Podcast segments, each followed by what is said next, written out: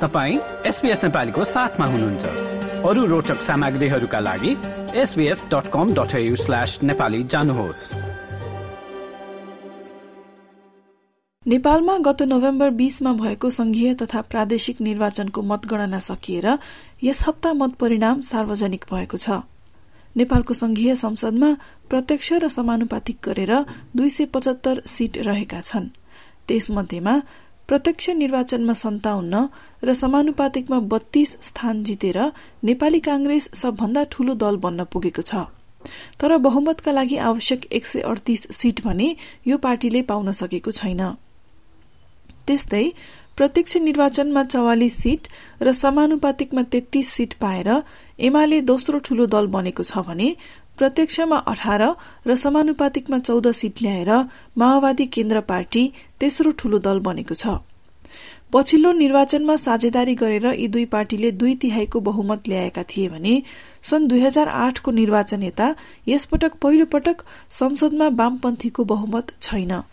यी सबै पार्टीहरू नेपालका पुरानै दल हुन् भने यसपटक नयाँ दलहरूको प्रवेशले नेपाली राजनीतिमा हलचल ल्याएको छ।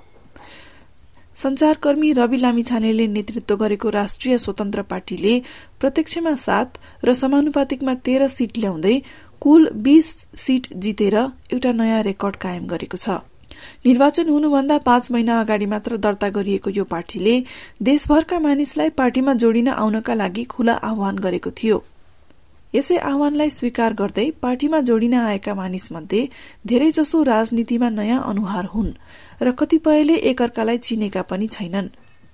विशेष गरी काठमाडौँमा शेरबहादुर तामाङ र पम्फा भूषाल जस्ता मन्त्री भइसकेका वरिष्ठ राजनीतिज्ञहरूलाई हराउँदै संसद प्रवेश गरेका युवा महिलाहरू सोभिता गौतम र डाक्टर तोशिमा कार्कीको जितलाई अप्रत्याशित मानिएको छ।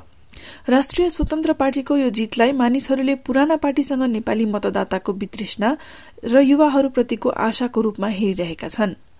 करिब एक दशकदेखि यस्तो वैकल्पिक राजनीति गर्दै आएको विवेकशील पार्टी भने यसपटक पनि संसदमा पुग्न सकेको छैन। त्यसै गरी अर्को पुरानो दल राष्ट्रिय प्रजातन्त्र पार्टीले प्रत्यक्षमा सात र समानुपातिकमा सात सीट गरेर चौध सीट ल्याएको छ भने एमालेबाट छुटेर बनेको दल नेकपा एकीकृत समाजवादीले प्रत्यक्षतर्फ दस सीट प्राप्त गरे तापनि समानुपातिकमा कुनै सीट प्राप्त गर्न सफल भएको छैन। समानुपातिकतर्फ कुल मतको तीन प्रतिशत प्राप्त गर्ने पार्टी मात्र राष्ट्रिय पार्टी बन्ने प्रावधान रहेको अवस्थामा माधव नेपाल नेतृत्वको यो दलले तीन प्रतिशत मत प्राप्त नगरेका कारण राष्ट्रिय दल बन्न सकेको छैन। यस पार्टीका एकजना शीर्ष नेता झलनाथ खनाल नै निर्वाचनमा पराजित भएका छन्। त्यसै गरी यो निर्वाचनमा अरू पनि शीर्ष नेताको पराजय चर्चित बनेको छ। जनता समाजवादी पार्टीका अध्यक्ष उपेन्द्र यादव लोकतान्त्रिक समाजवादी पार्टीका अध्यक्ष महन्त ठाकुर भूतपूर्व माओवादी नेता बाबुराम भट्टराई र एमालेका चर्चित नेताहरू ईश्वर पोखरेल र घनश्याम भूषाल पराजित भएका छन्। त्यसै गरी बाबुराम भट्टराईकी छोरी मानुषी यमी भट्टराई र प्रचण्डकी बुहारी बीना मगर जस्ता शीर्ष नेताका नातेदार पनि निर्वाचनमा पराजित भएका छन्। प्रत्यक्ष निर्वाचनमा अरू पनि साना दलले केही सीट पाउन सफल भएका छन् जसमा लोकतान्त्रिक समाजवादी पार्टीले चार नागरिक उन्मुक्ति पार्टीले तीन राष्ट्रिय जनमोर्चाले एक नेपाल मजदूर किसान पार्टीले एक सीट ल्याएका छन् भने पाँच स्थानमा स्वतन्त्र उम्मेद्वार विजयी भएका छन्। प्रतिनिधि सभामा बाह्रवटा राजनीतिक दलको उपस्थिति रहनेछ तर सरकार कुन दलले बनाउनेछ भन्ने कुरा स्पष्ट छैन। सबभन्दा ठूलो दल नेपाली कांग्रेसको बहुमत नभएको अवस्थामा अरू दलहरूसँग मिलेर बहुमत बनाउनु पर्ने हुन्छ।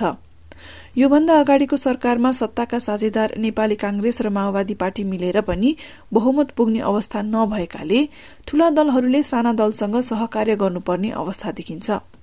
भर्खरै उदाएको राष्ट्रिय स्वतन्त्र पार्टीले सरकारमा जाने कि नजाने भन्ने बारेमा केही बताएको छैन। संघीयका साथसाथै नेपालका सातै प्रदेशको पनि मत परिणाम सार्वजनिक भइसकेको छ।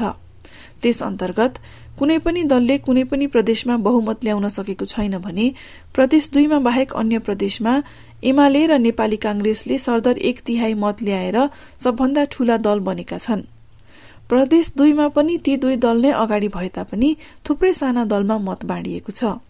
संघीय तहमा जस्तै प्रादेशिक तहहरूमा पनि सरकार बनाउने सकस हुने देखिन्छ। एसबीएस नेपालीका लागि काठमाडौँबाट सेवा भट्टराई